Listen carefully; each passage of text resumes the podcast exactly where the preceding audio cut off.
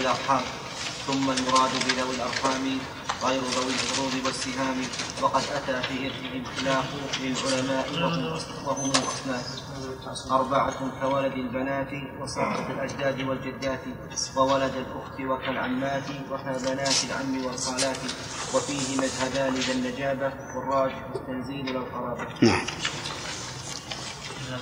ذو التعصيب ذوي التعصيب أيوه يقول؟ عندك ذوي الفروض عندك؟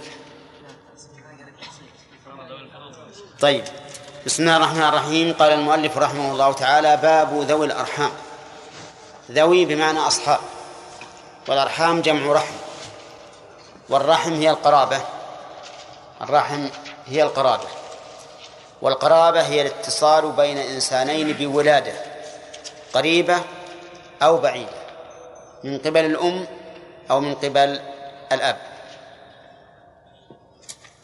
الأرحام جمع رحم والرحم القرابة والقرابة هي الاتصال بين إنسانين بولادة يعني بسبب الولادة لا بسبب الصحبة بولادة قريبة أو بعيدة من قبل الأب أو من قبل الأم.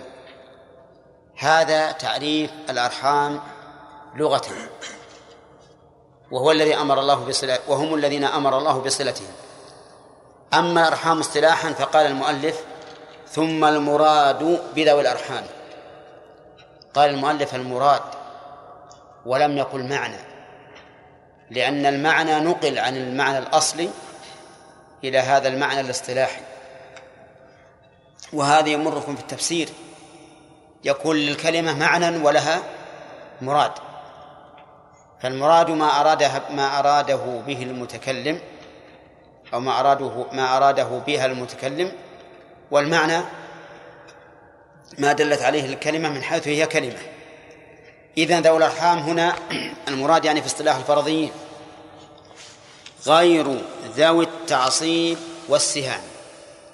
يعني لا كل قريب بل المراد بهم الأقارب الذين ليسوا من ذوي التعصيب ليسوا من ذوي التعصيب يعني من أصحاب التعصيب ولا من ذوي السهام أي لا من أصحاب السهام.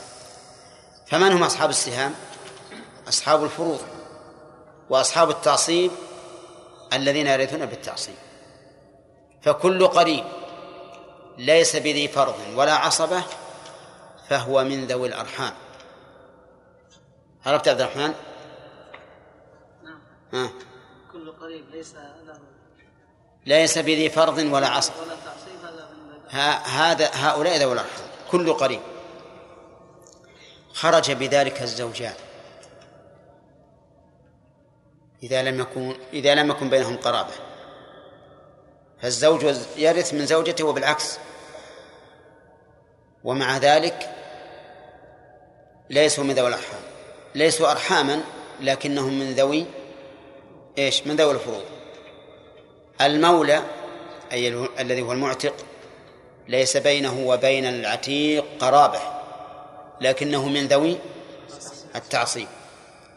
على كل حال المراد من من ليس بذي فرض ولا عصبة. قال المؤلف وقد أتى في إرثهم خلاف للعلماء وهم أصناف. وقد أتى في إرثهم خلاف لأهل العلم. فمنهم من ورثهم ومنهم من لم يورثه ولكن نعم فما هي حجة كل واحد؟ الذين قالوا بأنهم يرثون قالوا لأن لأن الله تعالى قال وأولو الأرحام بعضهم أولى ببعض في كتاب الله. أولى ببعض. أولو الأرحام بعضهم أولى ببعض في كتاب الله. فإذا كانوا أولى فإن للأولوية تأثيرا في التوريث بدليل قوله صلى الله عليه وسلم ما بقي فلأولى رجل ذكر. هذا دليل. سمعي الدليل العقلي قالوا إن صرفنا مال هذا الميت إلى أقاربه أولى من صرفه إلى بيت بيت المال الذي ينتفع به البعيد. فكون نعطي هذا الإنسان نعطي مال هذا الإنسان الميت أقاربه أولى من كون نعطيه بيت المال الذي لعامة المسلمين وقد لا يصل إلى أقاربه منه شيء. وفيه دليل من من الحديث نسيته ينبغي أن نقدمه على الدليل العقلي وهو قول النبي صلى الله عليه وسلم الخال وارث من لا وارث له. وعموم قوله الخالة بمنزلة الأم. وعموم قوله ابن أخت القوم منهم. ففيه أحاديث تشير إلى إلى ميراث ذوي الأرحام. إلى ميراث ذوي الأرحام. وأما القائلون بعدم ميراثهم فقالوا إن الله تعالى جعل الميراث لأصحاب الفروض لأصحاب الفروض ولأصحاب التعصيب. وهؤلاء ليسوا أصحاب فروض ولا أصحاب تعصيب. فهل تقولون إنهم أصحاب فروض؟ نقول لا. هل تقولون إنهم عصبة؟ نقول لا. إذن ليس لهم حظ في الميراث. لأن الميراث إنما جعل لأصحاب الفروض ولذوي التعصيب. ولكن القول الأول أصح وأظهر وهو أنهم يرثون لكن يشترط لإرثهم شرطان عدميان. الأول أن لا يوجد صاحب فرض صاحب فرض يرد عليه. أن لا يوجد صاحب فرض يرد عليه. الثاني أن لا يوجد عاصب. أن لا يوجد عاصب. عبد الملك عدهم. لا يوجد صاحب فرض يرد عليه. الثاني أن لا يوجد عاصب نعم. فإن وجد عاصب فلا إرث لذوي الأرحام. وإن وجد صاحب فرض يرد عليه فلا إرث لذوي الأرحام. لأن الرد مقدم على ذوي الأرحام. وإن وجد صاحب فرض لا يرد عليه نعم وارثه كالزوج والزوجة فإنهما لا يرد عليهما كما سبق. وعلى هذا فإذا تم الشرطان ورث ورث ذوي الأرحام. الخال وارث من؟ لا ورث له. وإذا كان هناك وارث بفرض أو تعصيب فذوي الأرحام لا يرثون. طيب هل يقدم الرد عليهم؟ قلت. نعم ولا لا؟ نعم يقدم الرد عليهم. وعلى هذا فلو هلك هالك عن ابن أخ لأم وابن ابن ابن عم أب أب أب ها؟ الثاني ولا الأول؟ هذا بعيد من ستة أوجه ابن ابن ابن عم أب أب أب ها؟ الثاني ليش؟ آه لأنه عاصب وابن الأخ لأم حبيب وطيب ويعتني ب بجده بمن؟ بخاله ابن أخ لأم. عم. إيه عم عم. أو عمته. على كل حال ما تقولون بهذا الرجل. سيبكي عليه بالليل والنهار. وذاك ما همه أو فرح أنه مات. شو؟ يرث وهذا ما يرث؟ أي نعم. صحيح. وهذا حكم الله يحكم بينكم والله عليم حكيم. وقد قال الله تعالى آباؤكم وأبناؤكم لا تدرون أيهم أقرب لكم نفعا. فريضة من الله. عم عمه يرث العم والعمة لا ترث. مع أن العمة هي التي تلاحظ هذا المريض المسكين اللي مات. ابن هو ابن أخيها وتلاحظه وتعتني به عناية عظيمة. وعم وعمه لا يعرفه. فالمال للعم دون العمة ابن أخ وبنت أخ. لابن الأخ. بنت الأخ ما ترث كذا؟ طيب. على كل حال ذوي الأرحام عاد المؤلف يقول وقد أتى في إرثهم خلاف للعلماء وهم أصناف. هم الواو هذه للإشباع. وإلا فإن حد الضمير هو الميم. أصناف أربعة. كولد البنات وساقط الأجداد والجدات.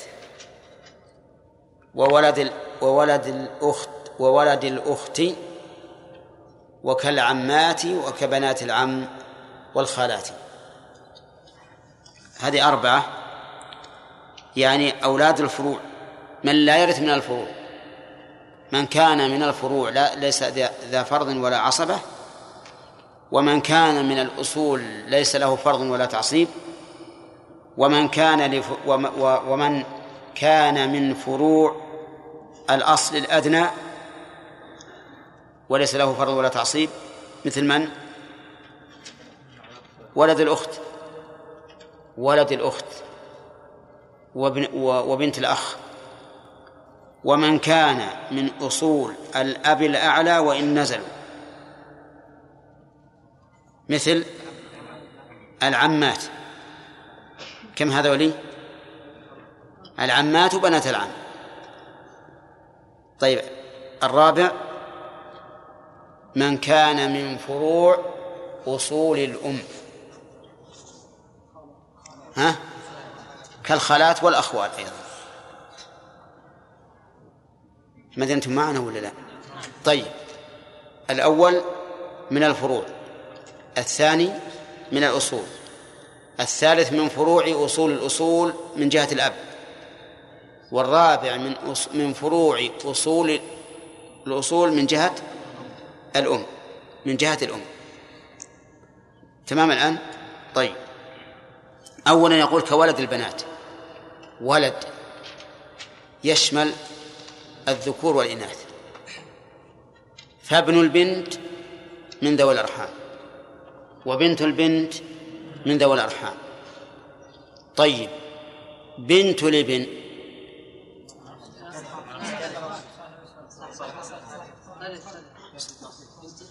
بنت الابن يا إخوان. من من ذوات؟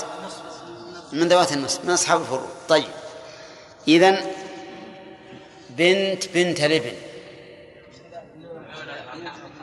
الكذلكة ممنوعة. ها؟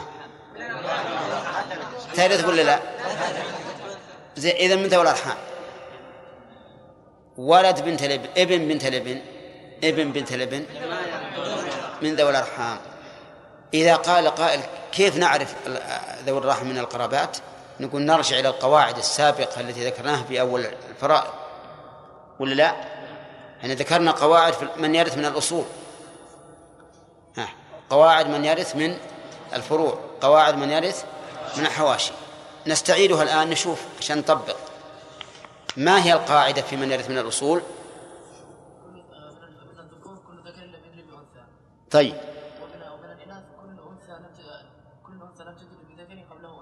زين. طيب هذه في الأصول. في الفروع كل من لم يدري بأنثى مطلقا. طيب في الحواشي؟ كل أنثى لا إلا الأخوات صح. هذه واحد. بعد. في فيها ضابطين نشوف. نعم. الإخوة من الأم المستثنات وكذلك كل كل كل الحواشي الذين لا يدون بأنثى أي. لا أنت قلت كل أنثى. أنثى ترث لا ترث إلا الأخوات. ما يخالف هذا الإخوة الذكور هذه. طيب. ها. أنت هو يذكر من يرث. نعم. كل ذكر لم يدري بأنثى. صح هذا؟ طيب. كل ذكر لم يدري بأنثى. ثانيا الإخوة من الأم. ثالثها الأخوات. كذا؟ طيب. إذن ما عدا هؤلاء لا يرث من ذوي الأرحام. ابن البنت ابن الأخت بنت الأخ بنت الأخ الله لا لا بنت الأخ الشقيق ما أقصد بنت الأخ من الأم.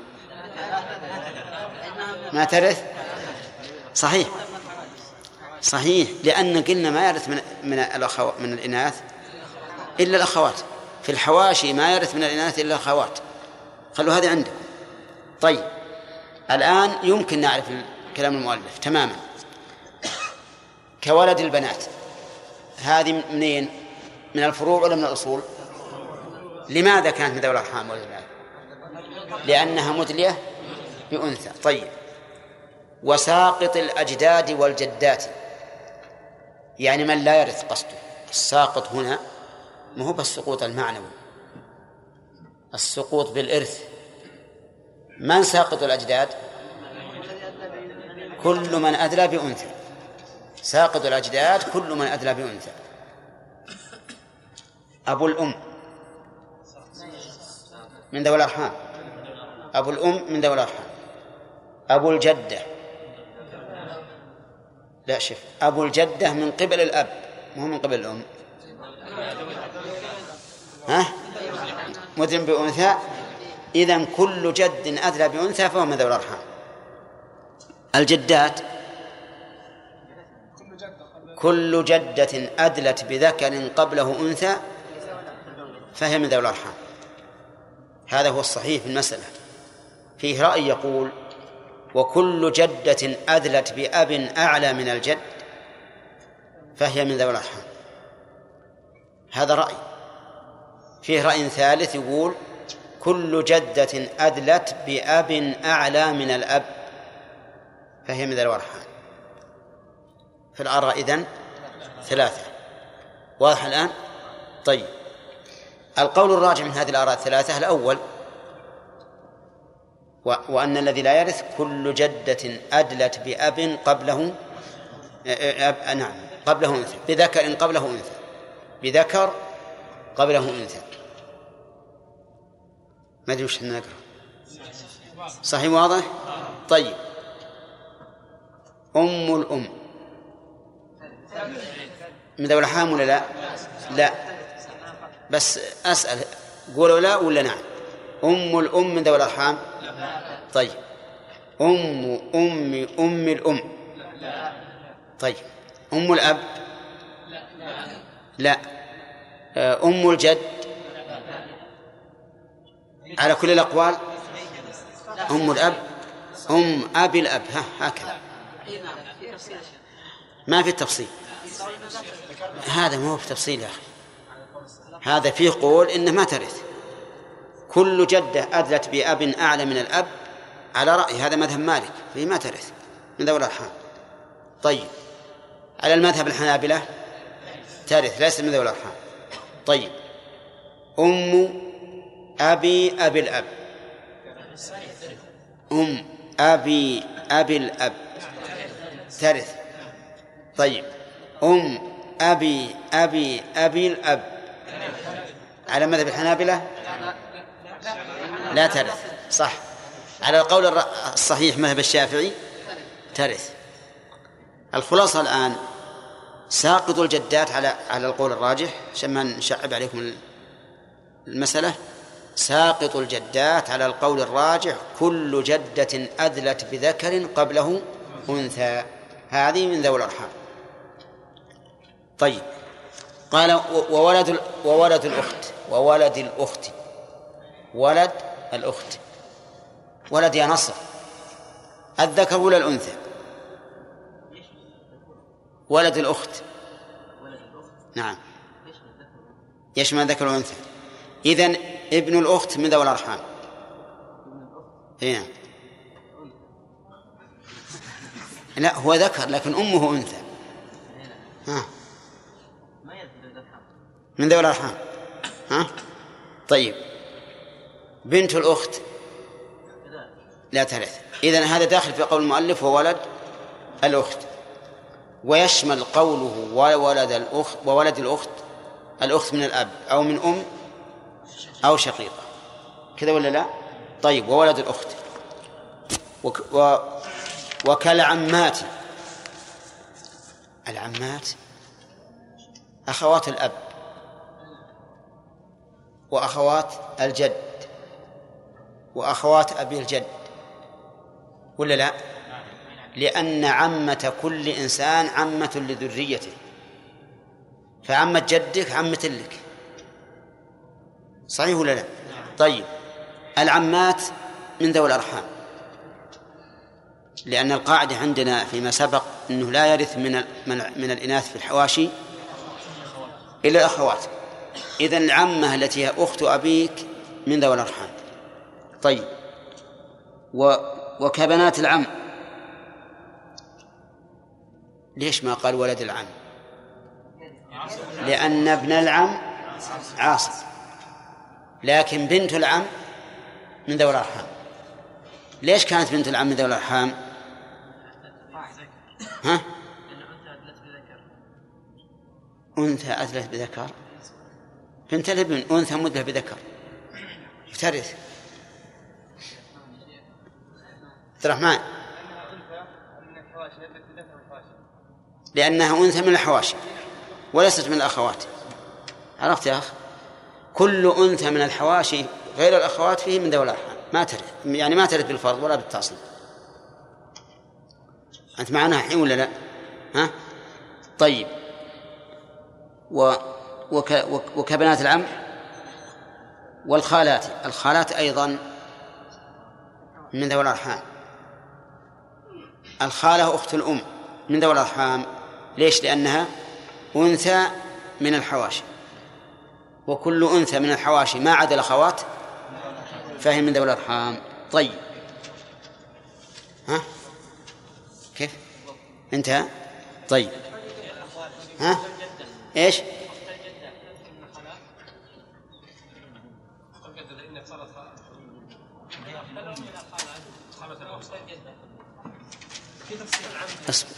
سؤال يا جماعة.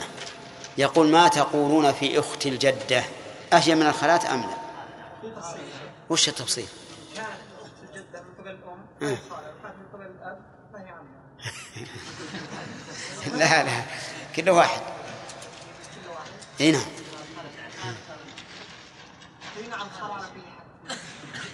طيب المهم أخت الجدة خالة. إي نعم. كما أن أخت الأم خالة. صحيح هذا؟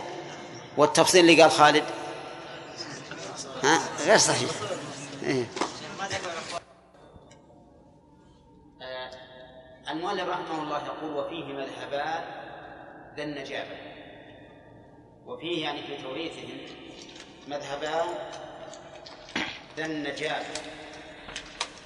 ذا يعني يا ذا النجابة. يا ذا النجابة فحذفت منها ياء النداء النداء. والنجابة يعني يا أيها النجيب. والن- والنجابة معناه كرم الأصل والفهم. ولها عدة معاني. وقوله والراجح التنزيل لا القرابة. هل ذكر المذهبين؟ نعم. قال التنزيل هذا واحد. لا القرابة هذا الثاني. ففيه للعلماء القائلين بتوريث ذوي الأرحام مذهبان. المذهب الأول يقول نرجح بال- بالقرابة. يرث القريب للميت مطلقا من أي جهة كان. وتعليل هذا أنهم يرثون بالرحم. فمن كان ألصق بالميت فهو به أولى. يرثون بالرحم. فمن كان ألصق بالميت فهو به أولى. وألصق الناس به أقربهم إليه. فعلى هذا المذهب لو هلك عن بنت بنت بنت بنت بنت بنت وعن بنت بنت ابن ها؟ شوف بنت بنت بنت. وبنت بنت ابن. الثانية ليش؟ لأنه أقرب أقرب الميت وإلى الوارث. فالذي بينه وبين الميت ثلاث درجات ليس كالذي بينه وبين الميت درجتان. فهذه بنت بنت بنت بنت. ثلاث. والرابعة البنت. وهذه بنت بنت ابن. الثالثة بنت بنت ابن نعم ثلاث والرابعة الميت فهي أقرب. وهكذا كل من كان أقرب إلى الميت فهو أولى. ولكن المذهب الثاني التنزيل يرثون بالتنزيل فينزلون منزلة من أدلوا به. ينزلون منزلة من أدلوا به. وعلى هذا فمن كان أقرب إلى الوارث من كان أقرب الوارث فهو الأحق. إذا كانوا في جهة واحدة. وقيل مطلقا. من كان أقرب الميت إلى الوارث فهو أحق. ليش إنه من كان أقرب الوارث؟ لأنهم ينزلون منزلة الورثة. فإذا وصل إلى الوارث أولا فهو أحق. ف ولا ينظر هل هم من جهة واحدة أو من جهتين. والقول الثاني أيضا في القرابة في التنزيل أنه من كان أقرب إلى الوارث فهو أحق. إن كانوا في جهة واحدة وإن كانوا في جهات متعددة فإنه يرقى كل واحد منهم حتى يصل إلى الوارث اتضح الأمر ولا لا؟ طيب ما يخالف الله يعين المذهب الأول مهجور ما هو المذهب الأول؟ مذهب القرابة ولا ولا ولا, ولا تفريع عليه نفرع على الثاني الثاني يقولون اختلفوا فيه أيضا على مذهبين. المذهب الأول يقول من كان أقرب إلى الوارث فهو أحق سواء كانوا من جهتين أو من جهة واحدة. والقول الثاني يقول من كان أقرب إلى الوارث فهو أحق إن كانوا في جهة واحدة. أما إذا كانوا في جهتين فيجب أن يصعد كل واحد حتى يصل إلى الوارث. المهم أنتم فهمت المعنى الآن ولا لا؟ ما فهمت المعنى؟ كيف تفهمون المثال بلا فهم المعنى؟ يعني يرقى يرقى. مثال ذلك. كأنكم تصلون إلا إلا المثال. نأتي بمثال. هلك هالك عن بنت بنت. تصل الوارث في في أي درجة؟ في أول درجة. رقها تصل الوارث. بنت بنت. طيب. بنت بنت عم. تصل إلى الوارث بالدرجة الثانية. بنت بنت عم. حط البنت مع بنت بنت البنت بنت بنت العم حطها بنت عم. ثم رقه إلى العم هذا معناه. ترقية تصعدها كأنك تصعد درجة. هنا نقول على من يرى أن من يصل إلى الوارث أولا فهو أحق. المال لمن؟ لبنت البنت لأنها تصل إلى الوارث بأول درجة. ومن يفرق بين الجهتين والجهة؟ يقول لا هذه جهة العموم وهذه جهة البنوة. هذه فرع وهذه حاشية أصل حاشية جد. وعلى هذا فنقول نصعد بنت البنت حتى تصل إلى البنت ونقف. نصعد بنت بنت العم حتى تصل إلى العم حتى تصل إلى العم. ويثبت الميراث لهما جميعا. يثبت الميراث لهما جميعا. عرفتم ولا لا؟ طيب. صار عندنا اتفاق أنهم إذا كانوا في جهة واحدة فالسابق إلى الوارث أولى. السابق الوارث أولى. كذا؟ طيب ناخذ مثال. بنت بنت بنت بنت. بنت بنت بنت بنت. في الدرجة الرابعة. وبنت بنت بنت. في الدرجة الثالثة. المال للثانية لبنت البنت اللي تصل إلى الميت في الدرجة الثالثة لا في الدرجة الرابعة لأنهم في جهة واحدة هذا متفق عليه. هلك هالك عن بنت بنت. وبنت بنت بنت بنت بنت بنت أخت. ها؟ ترقى يرقى كل واحد حتى يصل الوارث. نرقي البنت حتى بنت البنت حتى تصل إلى البنت. وبنت بنت الأخ النازلة حتى تصل إلى الأخ. إلى الأخت نعم إلى الأخت. حتى تصل إلى الأخت. عرفتم ولا لا؟ طيب. إذا وصلوا إلى الوارث عاد تجي معركة ثانية. إذا وصلوا إلى الوارث نشوف ألو... نشوف الورثة اللي أدلوبهم. ألو... ننظر إلى الورثة الذين أدلى بهم هؤلاء. ونقسم المال بينهم ثم يعود كل نصيب إلى من أدلى به. يعني أننا نقسم المال بين المدلى بهم. كأنهم هم الوارثون. ثم نقسم ما حصل لكل واحد على من؟ على من أدلى به كأنه مات عنه على من أدلى به كأنه مات عنهم. مفهوم ولا لا؟ طيب. ولا ما هو مفهوم؟ طيب. مثال ذلك هلك هالك عن خال. خال وعمه وبنت بنت. خال وعمه وبنت بنت. الخال مدلم بالأم. ولا لا؟ وبنت البنت بالبنت. وبنت العم بالعم. إيش؟ عمه عمه صح. عمة فيها خلاف. هل هي بالأب ولا بالجد؟ منهم من قال بالجد لأنه هو الصلة بينك وبينها ومنهم من قال بالأب لأنه أقرب. لكن الحكم في هذه المسألة لا يختلف في هذه المسألة لا يختلف.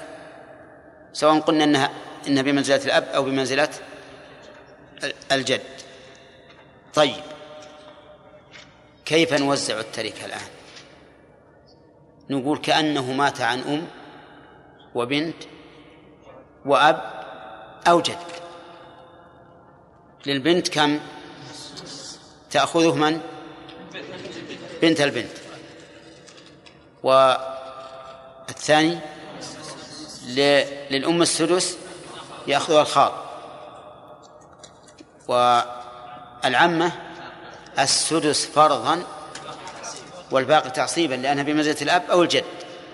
والأب والجد يرث هكذا. السدس فرضا والباقي تعصيبا. واضح؟ فالمسألة إذا من ستة. المسألة من ستة. لبنت البنت النصف ثلاثة لأنها مثلية بالبنت. وللخالة أو الخال؟ وللخال السدس واحد لأنه مثل بالأم. وللعمة السدس واحد فرضا والباقي تعصيبا. ها؟ واضح؟ بقينا عاد نحتاج إلى كم الجهات؟ المشهور من المذهب أن الجهات ثلاث فقط. أبوة وأمومة وبنوة.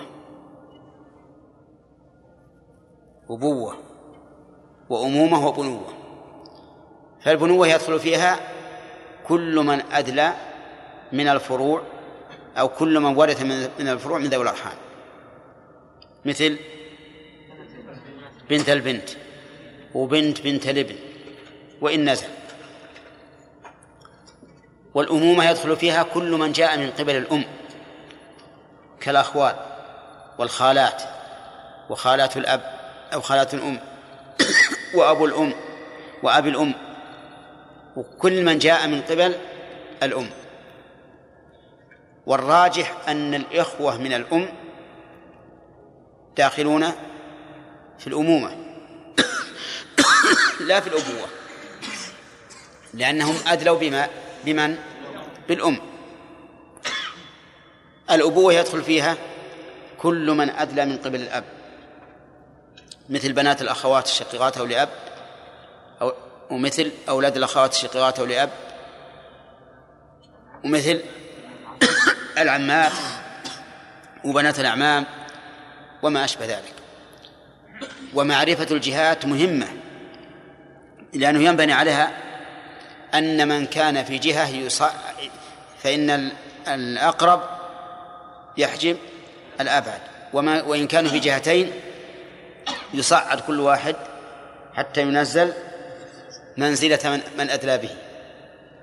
وقال بعض أهل العلم بل الجهات بنوة وأبوة وأخوة وعمومة كما مشى عليه المؤلف.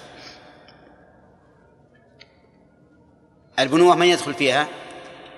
كل من يد كل من يرث من من الفروض. والأبوة؟ كل من يأتي من قبل الأب. والأخوة؟ كل من يأتي من قبل الإخوة. والعمومة كل من يأتي من قبل الأعمام. الأمومة كل خمس يعني. الأمومة كل من يأتي من قبل الأم. وهذا أقرب هذا أقرب. كما جعلنا العصبات كم؟ خمس جهات. البنوة والأبوة والأخوة والعمومة والولاء هذا نجعل الجهات خمس. ونقول من كان في جهة فإن الأقرب إلى الميت إلى الوارث يحجب الأبعد. وإن كانوا في جهتين ينزل كل واحد يعني يصعد حتى يصل إلى الوارث. ثم كيف يقسم المال بينهم؟ نقول هؤلاء فروع فروع عن أصول. إيش معنى فروع عن أصول؟ يعني أن ميراثهم متفرع على ميراث غيرهم. فعليه يقسم المال بين من أدلوا به بين من أدلوا به. ثم يرثونه هم كأن هذا المدلى به مات عنهم. طيب هلك هالك عن بنت بنت وبنت بنت ابن وبنت بنت ابن وخال وعمه.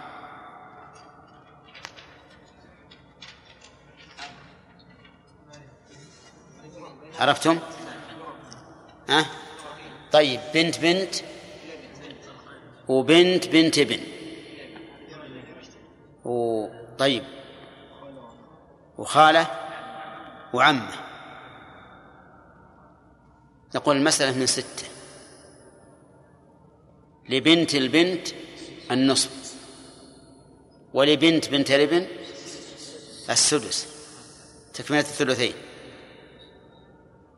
أولى طيب. وللخال السدس لأنه بمنزلة الأم. وللعمة السدس فرضا والباقي تعصيبا لأنها بمنزلة الأب أو بمنزلة الجد. طيب مثال آخر. هلك هالك عن بنت بنت. وابن بنت. وابن بنت. الذي هو أخوها. أخو البنت هذه. وعن خالة وعم. المسألة أيضا من ستة. للخالة السدس. العم الخالة السدس واحد. طيب وعندنا الآن بنت بنت وابن بنت.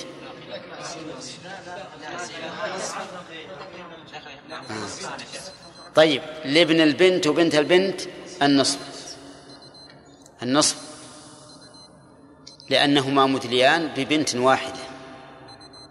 والبنت الواحدة ليس لها إلا النصف. والعمة السدس فرضا والباقي تعصيبا. طيب هذا الولد وأخته الذي هو ابن البنت وبنت البنت كيف يرثان النصف؟ نقول قدر كأن البنت التي هي أمهم أمهما ماتت عنهما فإذا ماتت عن ابن بنت ها؟ يرثانها إيش؟ للذكر مثل حظ الأنثيين. ووفقتم للصواب. وإلا فالمشهور من مذهب الحنابلة أن الذكر والأنثى سواء. في باب ذوي الأرحام الذكر والأنثى سواء.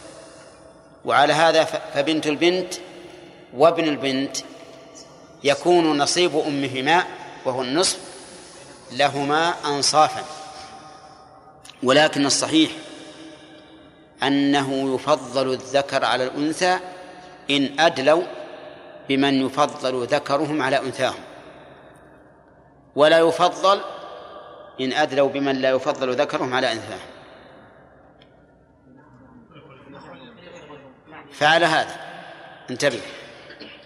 إذا هلك هالك عن بنت أخت شقيقة وأخيها الذي هو ابن أخت الشقيقة وعن بنت أخ من أم وابن أخ من أم.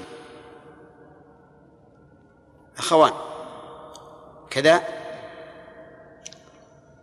وعن لا. العمة ما يصلح. أي نعم. الخال كم يبقى معنا نصف.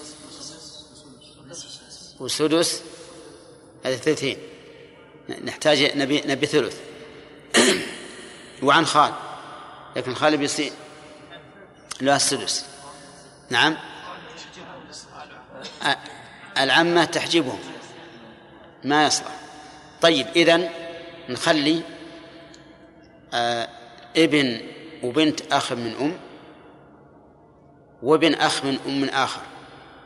ابن أخ لأم ثاني. ابن أخ لأم ثاني. وش بقي علينا؟ باقي السدس يكون للخال. للخال. نعيد المسألة. لو نكتبها عشان ما تنسون. نعم. اكتب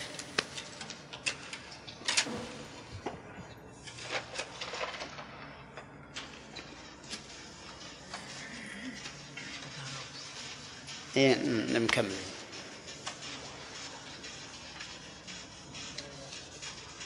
يكفي هذا الله. بنت. أخت شقيقة. بنت أخت شقيقة. ابن أخت شقيقة. ترى هذه واحدة. ها؟ طيب. إيه ابن أخ لأم.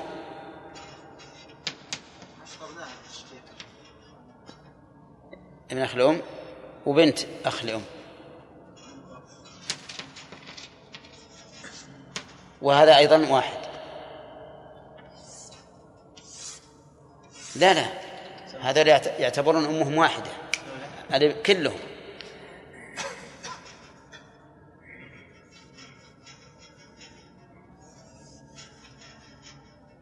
طيب ابن أخ لأم. هذا أخ ثاني. طيب خال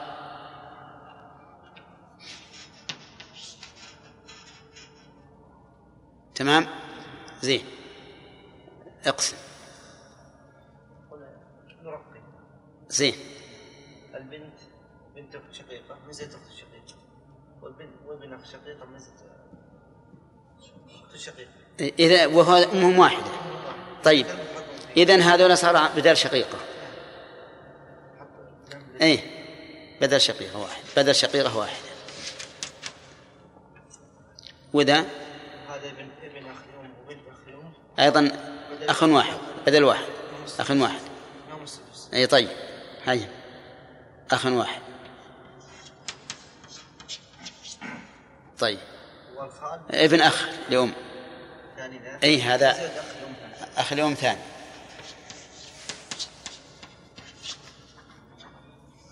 الخال أم. إذا عندنا الآن كم؟ شقيقة وأخوان لأم وأم. الشقيقة لها النصف ثلاثة. أي ما هو بلازم على العادة بس حط ثلاثة. من يأخذه؟ يأخذ ابنها وبنتها. للذكر مثل حظ الأنثيين لأن الأخوة الأشقاء يفضل ذكرهم على أنثاهم. طيب. لا المذهب سواء المذهب كذا والأرحام سواء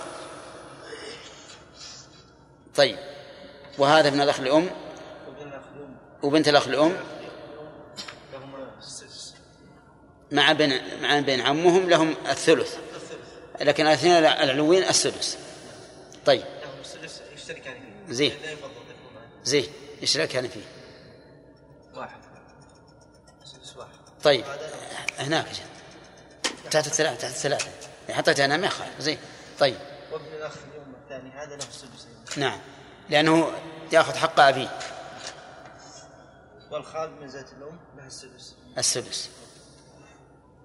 لا نفعل كذا كل واحد نصف ها؟ يقعد يذوق على طول على نصيبهم. كيف؟ ناخذ اليوم إيه. مثلا كل واحد نصف. نصف الواحد. على طول يعني إيه. هي لا ما صحنا بس أهم شيء تعرفون القسمة. الق- المذهب الآن أن ابن الأخت الشقيقة وبنت الأخت الشقيقة يأخذان النصف بإيش؟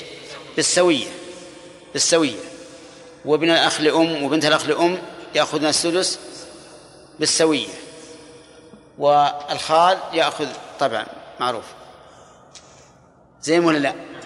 لكن القول اللي رجحنا أن ابن الأخت الشقيقة وبنت الأخت الشقيقة يأخذان النصف للذكر مثل عض الأنثيين لأنهما يرثان أمه- أمهما كذلك ولأنهما من الصنف الذي يف- يفضل فيه الذكر على الأنثى. طيب. آه، ابن الأخ الأم وبنت الأخ الأم. ها؟ لهما النصف بالسوية. لماذا؟ لأنهم نعم يدلون بمن لا يفضل ذكرهم على أنثاهم. هذا هو الصحيح. صحيح هو هذا. نعم. يقول نعم يقول لأنهم يرثون بالرحم المجردة. يرثون بالرحم المجردة. ولكن هذا تعليل عليل. سيأتي إن شاء الله فيه البحث فيما بعد. قسم قالوا إنهم يرثون بالتنزيل وقسم قالوا إنهم يرثون بالقرار والقائلون بأنهم يرثون بالتنزيل اختلفوا أيضا. هل ذكرهم وأنثاهم سواء؟ أو أن من أدلى بمن يفضل ذكره على أنثاه فإن ذكرهم يفضل على أنثاه ومن أدلى بمن لا يفضل ذكره على أنثاه فإنه لا يفضل ذكره على أنثاه وذكرنا أن الأقرب إرثه أن الأقرب إرثهم بالتنزيل. وأن وأن من أدلى بمن يفضل ذكره على أنثاه فإنه يفضل ذكره على أنثاه ومن أدلى بمن لا يفضل ذكره على أنثاه فإنه لا يفضل. هذا هذه واحدة. ثانيا في مسألة الحج كيف يقع بينهم؟ نقول إن كانوا في جهة واحدة. فالأسبق إلى الوارث هو الوارث. والثاني محجوب. وإن كانوا في جهتين فإنه يرقى كل واحد حتى يصل إلى الوارث وإن بعد. هاتان قاعدتان القاعدة الثالثة كيف نورث كيف نورثهم فيما إذا كانوا من أجناس؟ نقول نقسم المال أولا بين المدلى بهم. بين المدلى بهم. نقسم المال أولا بين المدلى بهم. ثم نقسم نصيب كل مدلى به على من أدلى به مقدرين أنه مات عنه مقدرين أنه مات عنه فهمتم هذه ولا لا؟ والله ما أدري آه. يقسم المال بين من؟ بين المدلى بهم ثم يوزع على المدلين كأن المدلى به مات عنه تمام؟ طيب هذه القواعد اللي خلاصة القواعد في ذوي الأرحام ويحتاج إلى تطبيق يحتاج إلى تطبيق. في أظن قاعدة خامسة وهي الجهات. وذكر ذكرنا أن المشهور من مذهب الحنابلة أن الجهات ثلاثة أبوة وأمومة وبنوة وأن بعضهم خالف في ذلك. وقال إنهم أبوة وبنوة وأمومة وأبوة. وعمومة ولكن لما لم يكن في المسألة نص بين فالترجيح فيه شيء من الصعوبة في هذا في هذه المسألة بالذات. لأن ما في شيء ينص على هذا. ولو ولو أردنا أن نرجح لكنا نقول إنهم أربع جهات. من يدلون بالفروع ومن يدلون بالأصول ومن يدلون بالأب ومن يدلون بالأجداد الذين فوقه. وكذلك الأم. وليكن بناؤنا على المشهور من مذهب الحنابلة. حتى لا يختلط الأمر علينا. فنقول الجهات إذن ثلاثة. بنوة وأبوة ها؟ وأمومة. فالبنوة يدخل فيها كل من أدلى بالفروع. والأبوة كل من أدلى, من أدلى بالأصول. نعم. فيشمل الأعمام والأخوان وبنات الأخ الأخت وما أشبه ذلك. والأمومة كل من أدلى بمن؟ بالأم ولم يكن صاحب فرض كالأخ من الأم فإنه من من أصحاب الفروض فنبدأ بالمثال الأول نأخذ بالتمثيل بالتسلسل أحسن ها؟ بالأسماء بالأسماء بالأسماء عطنا الأسماء واحد ومر واحد ها؟ ما أكتب الأسماء؟ ما هو بكم عندنا أسماءهم بالأول. موجود دفتر. عندنا بالأول. والله أنا أرى أن, إن الأقرب للعدل الأسماء ها؟ إيه أقول الأسماء أحسن. ما هي عندك الأسماء من قبل؟ عندك في في, في البخاري و... اي وين؟ عندك الآن؟ لا عندي مسائل الفروض طيب هات هات من جديد نبدأ. إبراهيم فيه؟ إبراهيم. اصبر إبراهيم إبراهيم. أحمد. يلا. ها؟ أه وش وين وين الثالث؟ أحمد. أصبر وش اسم الوالد؟ سعود. يحيى. ها. إيه عندك.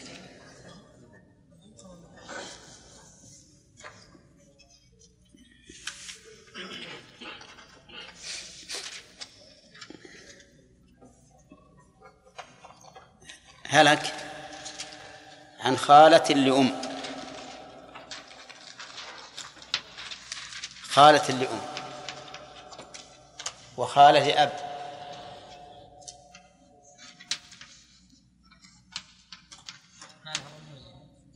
وخالة لشق- شقيقة. شقيقة خالة شقيقة. لا لا لا تباعد لا تباعد بيجيك ناس. الإنسان ما ودك.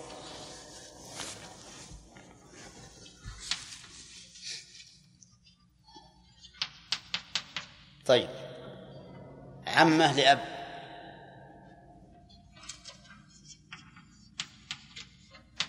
عمه لأم. عمة الشقيقة يلا. هل هؤلاء من ذوي الأرحام؟ هنا علل. هذه خالة. هذه عمي أنا أعرف أنك خالة عمة. ولا- وليست يعني لا لا من الفروض يعني لسنا من أصحاب الفروض ولا من لماذا؟ اصحاب. لماذا لم يكن من أصحاب الفروض؟ ما يرث من الحواشي بالنسبة للخالات الا إلا الأخوات وهذه خالة ليست أحسنت. لأنه لا يرث من الإناث في الحواشي الحواشي إلا الأخت. إلا الأخوات. تمام. طيب. إذا من ذوي الأرحام آه، الخالات أدلت بمن؟ آه، بالأم. بالأم. حط أم. ترى ونحن ما هو هذه الطريقة لكن لا أنا الآن ما هم الفرضيين يسوون كذا لكن عشان التوضيح حط أم وزن الثلاثة الخالات. أي حط شخص بين الخالات والعمات خط بين الخالات والعم والعمات. طيب حط أب وزن العمات. اقسم المال الآن. بين من؟ ها. لا. خطأ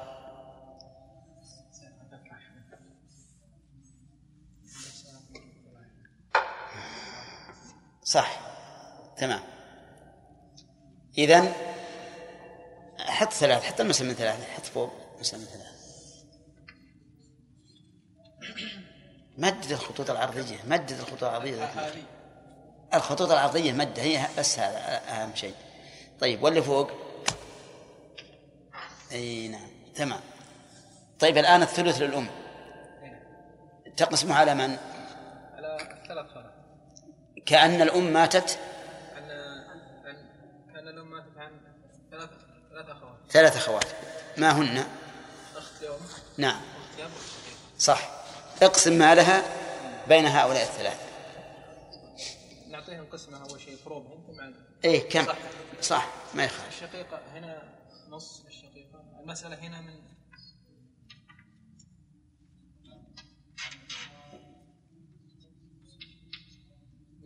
من ستة. طيب. لا خلنا نشوف. تقدرها في ذهنك. من ستة. ثلاثة. للشقيقة. للشقيقة ثلاثة. نعم. نعم. وللخالة اليوم. السدس واحد. للخالة لأب قبل. وللخالة اليوم السدس تكمل ثلاثين واحد. هذه كم؟ هذه أربعة. أربعة. وللخالة اليوم السدس واحد. هذه خمسة. خمسة. ترد مسألة الخمسة. إيه. طيب. أصبر العمات. العمات أيضا. المسألة من ستة نفس الشيء. ها. لل- للعمة الشقيقة نص ثلاثة. نعم. والعمة اليوم العمة العمة لأب. العمة اليوم السدس واحد والعم- والعمة اليوم السدس واحد. طيب. إذا رجعت إلى خمسة. كذا ولا لا؟ اقسم نصيب الأم مثلا على الواحد على خمسة ما, ما مباين كذا؟ وكذلك بالنسبة للعمات اثنين على خمسة مباين أليس كذلك؟ بس لا صح طيب مباين انظر بين مسألة الأم وال- والأب. خمسة وخمسة. ها وش بينها؟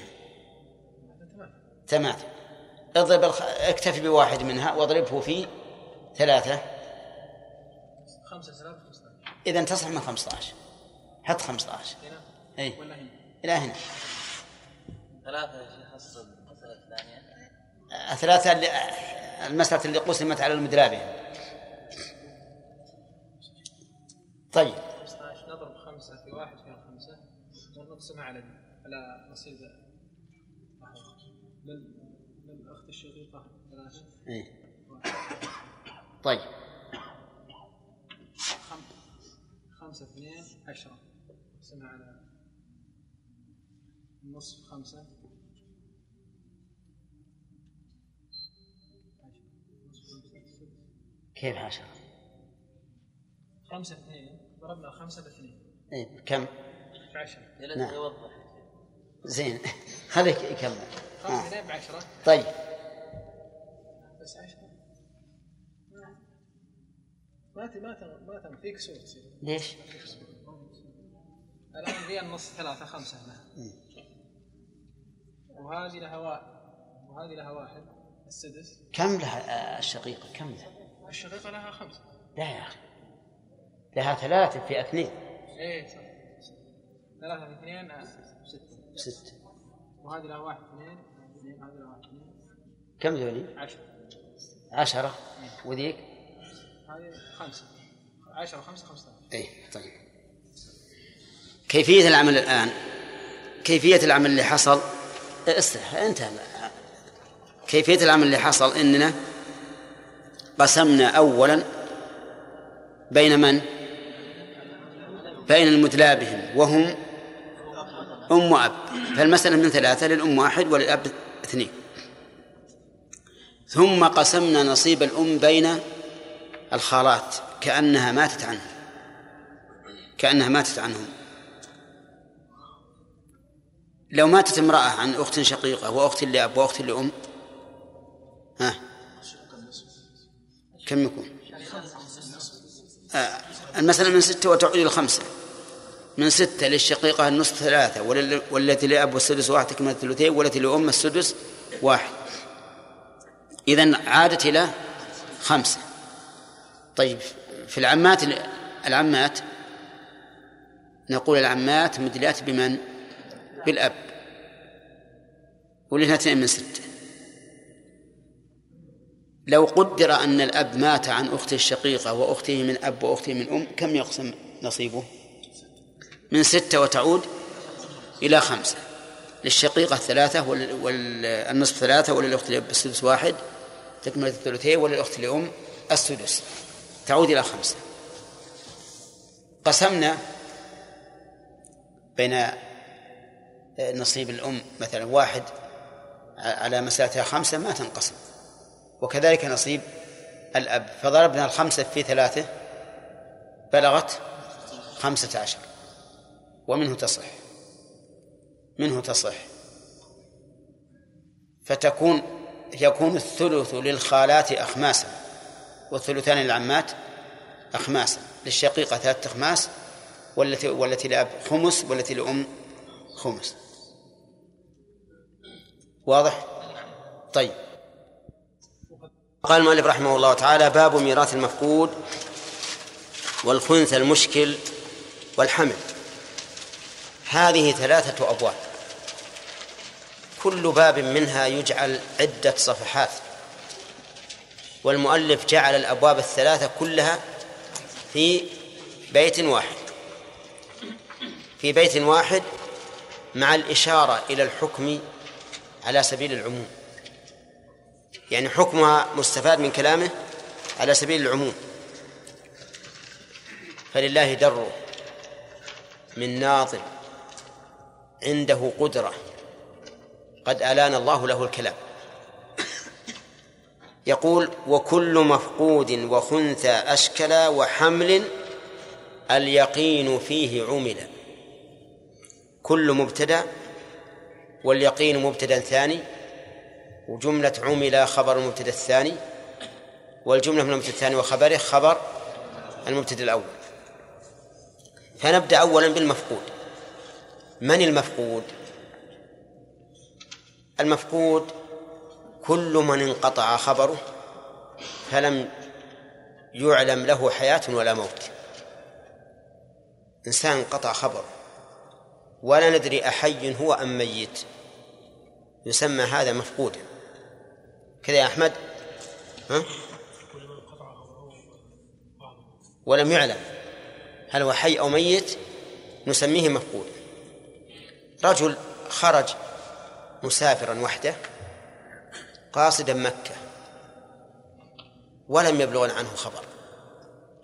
لا أنه وصل مكة ولا ما دونها ولا ندري أي أرض بلعته. نسمي هذا مفقودا.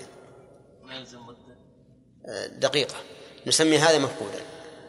جماعة في سفينة غرقت السفينة ونجا قوم وآخرون لم يعلم عنهم نسمي الآخرين مفقودين. لأن لا نعلم أهم أحياء أم أموات. طائرة سقطت من الجو وهلك ناس وبقي ناس وناس لا نعلم عنهم. هؤلاء أيضا مفقودون. فصار ال- ال- المفقود من؟ ها؟ من انقطع خبره فلم يعلم له حياة ولا موت. طيب ماذا نعمل في المفقود؟ إذا فقدنا شخصا هل نحكم بموته من حين فقده أو ننتظر؟ نقول لا بد من الانتظار لا بد من الانتظار. ولكن الفقهاء رحمهم الله قسموا حال المفقود إلى قسمين. فقالوا إن المفقود قسمان. قسم فقد على وجه ظاهره السلامة وقسم فقد على وجه ظاهره الهلاك. ظاهره الهلاك. ولكل قسم حكم. مثال الذي فقد على وجه ظاهره السلامة رجل خرج مسافرا سفرا عاديا في طريق آمن ثم فقد. هذا ظاهره السلامة.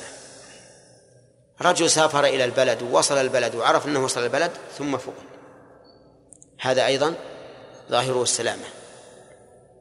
الذي ظاهره الهلاك رجل خرج في الحرب مجاهدا ثم فقد.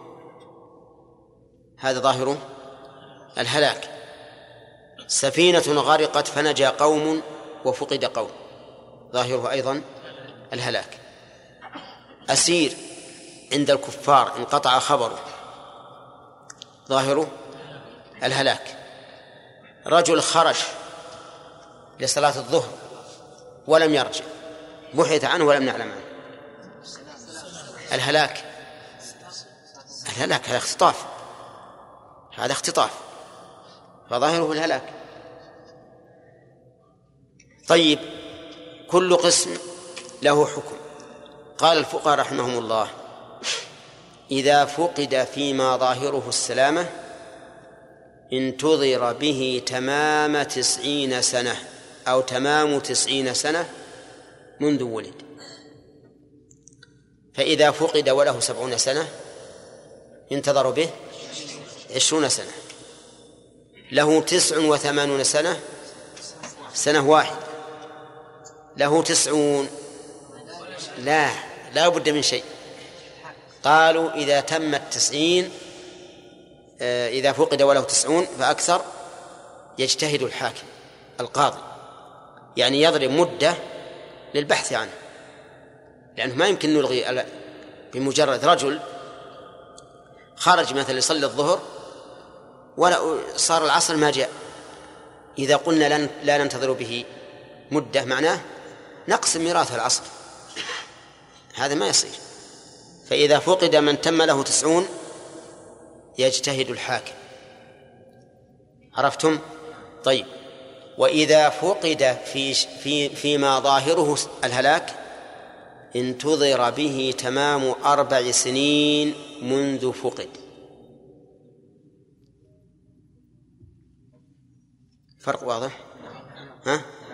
ينتظر به تمام أربع سنين منذ منذ فقد. فإذا كان فإذا فقد وله ثمان وثمانون سنة. ينتظر به إلى كم؟ إلى تسعين. إلى تسعين. إلى اثنين وتسعين. إلى اثنين وتسعين. إلى اثنين وتسعين. وإذا فقد وله ثمان وثمانون سنة فيما ظاهره السلامة ينتظر به سنتان. شوف القول اللي ما له أساس يختل. يعني هذان رجلان.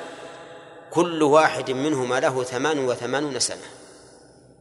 فقد. أحدهما ظاهر فقده السلامة والثاني ظاهره الهلاك. نقول في الذي ظاهره السلامة ينتظر به سنتان فقط. سنتان.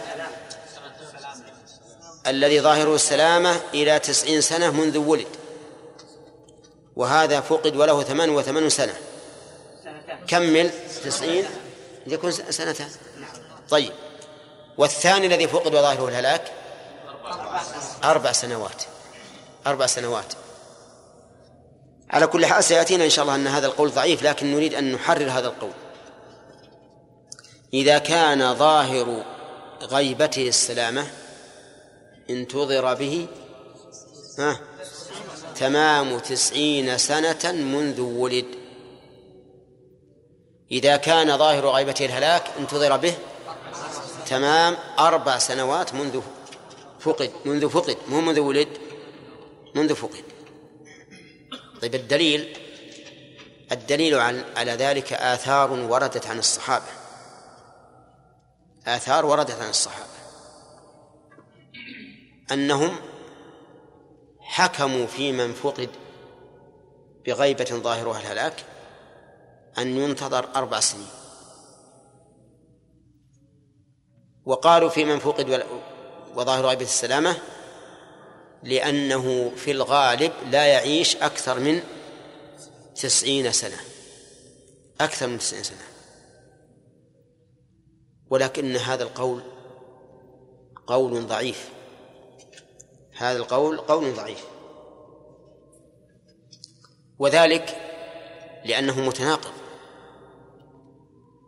من من جملة تناقضه المثال الذي ذكرناه قريبا. ما هو؟ إذا فقد رجلان أحد كل منهما له ثمان وثمانون سنة أحدهما ظاهر غيبته الهلاك والثاني ظاهر غيبته السلامة. ينتظر بالذي ظاهر غيبة السلامة سنتان وبالذي ظاهر غيبة الهلاك أربع سنوات. مع أن الأمر يقتضي ها؟ العكس. يقتضي العكس. فالقول الصحيح في هذه المسألة أن الأمر راجع إلى اجتهاد الحاكم. سواء كان ظاهر غيبته السلامة أو ظاهر غيبته الهلاك. انتبهوا يا جماعة. وما ورد عن عن الصحابة محمول على أن هذا هو الذي أداه اجتهادهم إليه. أداهم اجتهادهم إليه في ذلك الوقت. يعني رأوا أنه يضرب له أربع سنين فضربوا أربع سنوات. وإذا قلنا بهذا القول وهو الراجح فإنه يختلف الانتظار يختلف باختلاف المفقود وباختلاف البلد وباختلاف الزمن وباختلاف السلطان وباختلاف التنظيم ودقته. باختلاف المفقود من الناس من يكون من عامة الناس. إذا فقد لا يفقد. إذا فقد لا يفقد. لو يقعد عشرين سنة ما يفقده إلا أهله. وأهله يقول هاي هذا هذه عادته راح يدور الرزق متى ما جاء يجي. ولا لا؟ عامي من سطة الناس لا يؤبه له ولا ينظر ولا يهتم به. هذا يحتاج في في التثبت عنه إلى مدة طويلة ولا قصيرة؟ طويلة. من يبي يلقى شعرة بالبحر رجل آخر غني كبير معروف. إذا مر بالسوق عرفه الناس كله ففقد. هذا لا يحتاج في البحث عنه إلى إلى مدة طويلة. لأنه لو كان حيا لعلم واضح. وكذلك إنسان ذو سلطان إنسان ذو علم. مشهور عند الناس كبير هذا تضرب له مدة بسيطة حسب ما يراه الحاكم. والأول تضرب له مدة طويلة. كذلك يختلف باختلاف البلدان. في بعض البلاد مضبوطة محكمة عند أبوابها شرط ما يمكن يدخل إنسان إلا وقد عرفوه وعرفوا أين يتجه وأين يكون. وفي بلاد أخرى مهملة. مهملة. تدخل فيها السباع وكل أحد وتخرج ما, ما يدري عنها. أيهما الذي يحتاج إلى طول مدة؟ الثانية؟ أي نعم الثانية. لأن الأولى مضبوطة. يعرف الرجل بالدقيقة والساعة. فلا يحتاج إلى إلى إلى عناء في البحث عنه. كذلك أيضا في التنظيم. يختلف البلدان. بعض البلاد مثلا منظمة التابعية والجنسية وكل شيء مضبوط وبعض البلاد مهملة. وعلى هذا فنقول إن الصواب في هذه المسألة أن المفقود ينتظر به مدة يغلب على الظن أنه مات فيها. أنه مات فيها وهذه المدة لا تقدر شرعا إنما تقدر اجتهادا بحسب من؟ بحسب نظر الحاكم والحاكم عليه أن يتقي الله عز وجل في هذا الأمر ويقدر مدة إذا مضت غلب على ظننا أن الرجل ميت واضح يا جماعة؟ طيب الآن عرفنا المفقود من هو؟ من انقطع خبره فلم يعلم له حياته ولا موت. ينتظر به على المشهور من المذهب. إن كان ظاهر غيبته السلامة تسعون سنة منذ ولد. إن كان ظاهر غيبة الهلاك أربع سنين منذ فقد. ثم يقسم ماله. وعلى القول الراجح يرجع في هذا إلى اجتهاد الحاكم وهو يختلف. فإذا ضرب الحاكم مدة أو لم يضرب لكن قالوا بحثنا عنه لمدة كذا وكذا وقال والله لو كان الرجل حيا لكان علم. فإذا مضت المدة حكمنا بموته. لنا الآن في الواقع نظران. في الواقع لنا في المفقود نظران. لنا في المفقود نظران. النظر الأول في إرثه هو ومن معه. في إرثه ومن معه. والنظر الثاني في الإرث منه. في الإرث منه. لأن المفقود وارث ومشارك وموروث. صح ولا لا؟ وارث مشارك وموروث. كل هذا واقع. فهل نورثه؟ وهل نورث من معه إرثا كاملا؟ وهل نورث ورثته لماله؟ هذه كلها تحتاج إلى كلام المؤلف والمؤلف يقول اعمل اليقين اعمل اليقين. وإذا عمل اليقين يتضح نقول قبل مضي المدة إذا مات أحد إما أن يكون بعد مضي المدة أو قبلها. هذا نبي ننظر في إرثه وإرث من معه. إذا مات للمفقود مورث فإما أن يكون قبل مضي المدة أو بعدها. ولا لا؟ ها؟ إما أن يكون قبل مضي المدة أو بعدها. ولنفرض أننا ضربنا خمس سنوات. خمس سنوات. إذا مات له مورث كأخيه مثلا. أخي هذا المفقود مات. فإما أن يكون قبل مضي خمس سنوات أو بعد مضي خمس سنوات.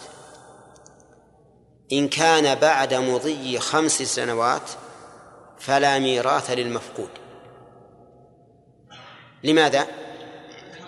لأننا قد حكمنا بموته والميت لا يرث. حكمنا بموته والميت لا يرث.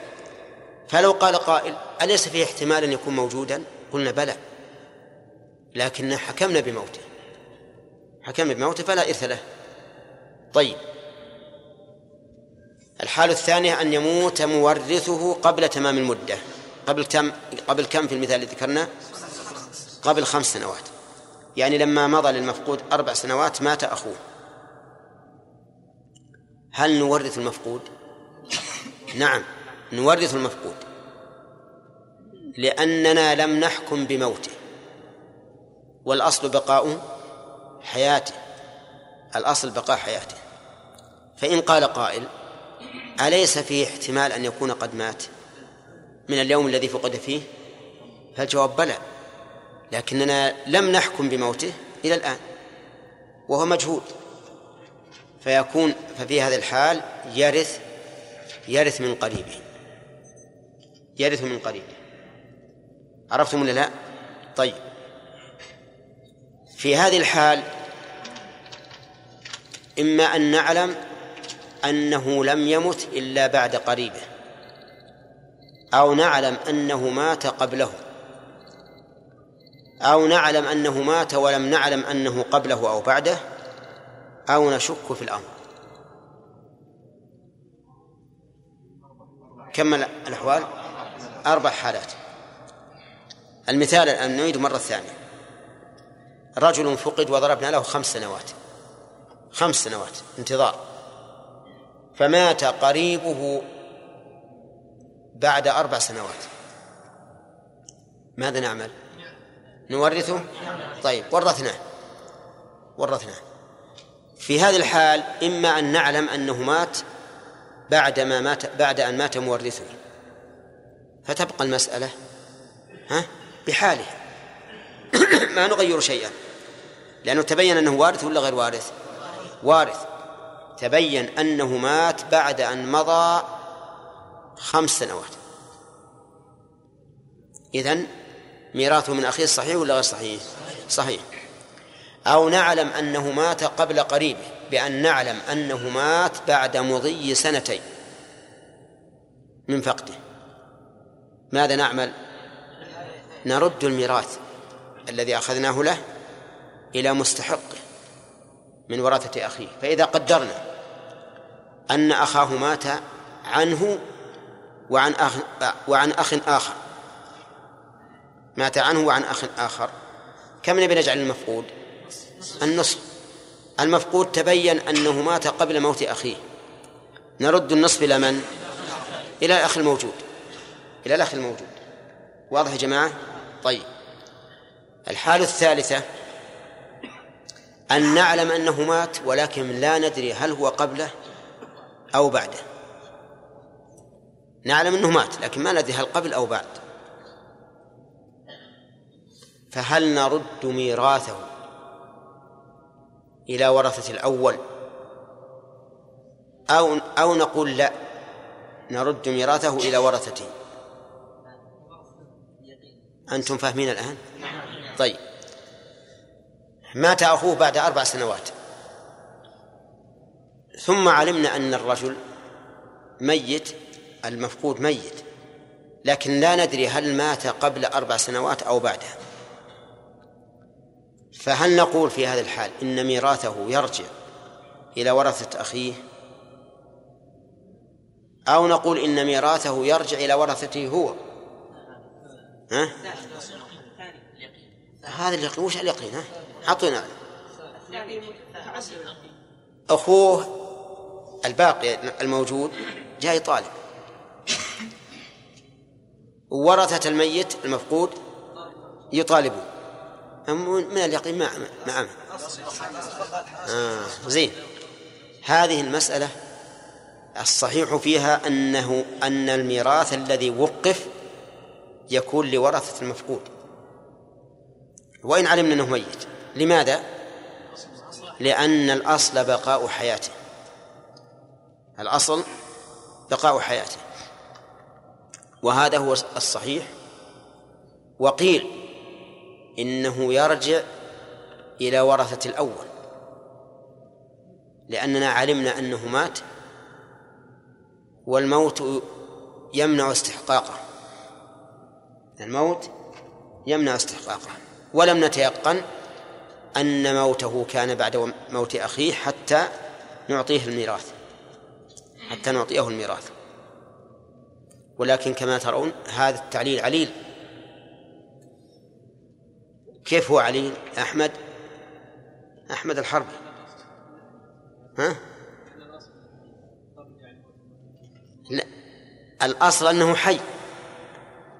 فالقول بأن نورثه والأصل لا نورثه والأصل أنه حي هذا ضعيف جدا.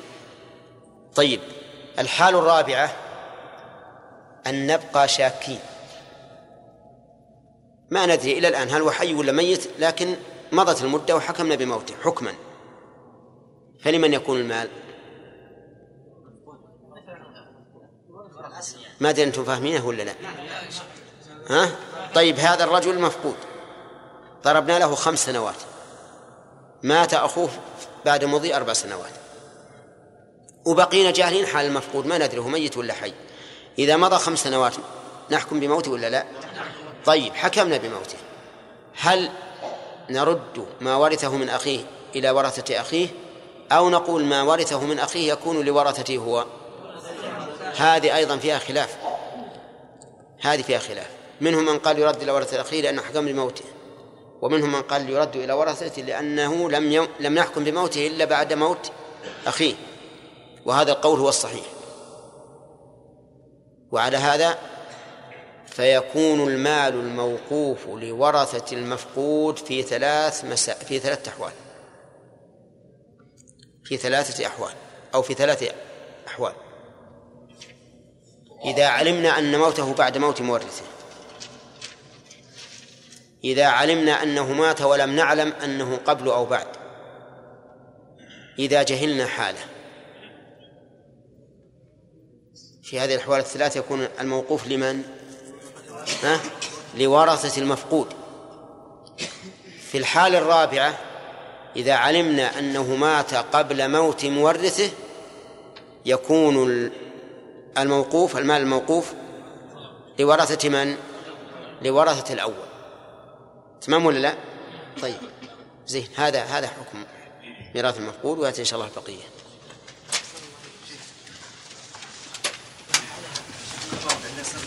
انتهت ما نحكم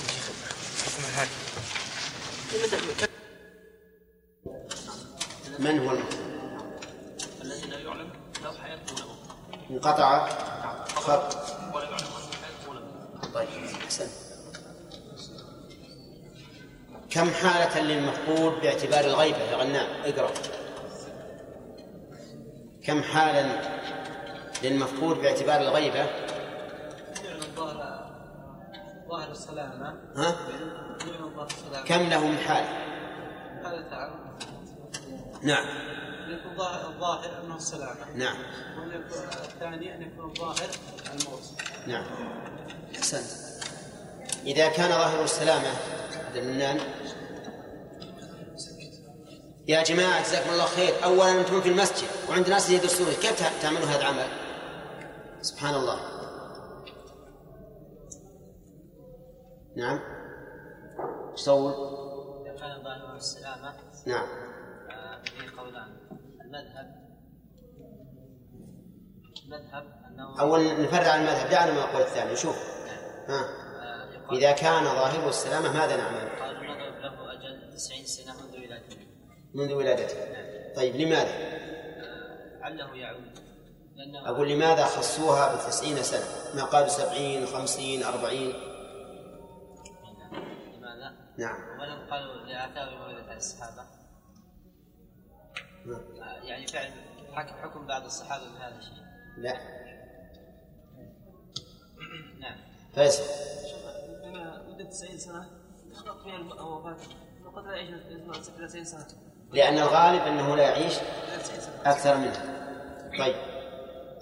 ها كمل. لا مو القول الثاني هذا إذا كان ظاهر السلامة انتظر به تمام تسعين سنة. وإن كان ظاهره عدم السلامة هلاك فقالوا ينتظر أربع سنين منذ فقده منذ فقد نعم. بناء؟ على حديث عمر. طيب اثار ورد عن عن عمر وغيره. طيب.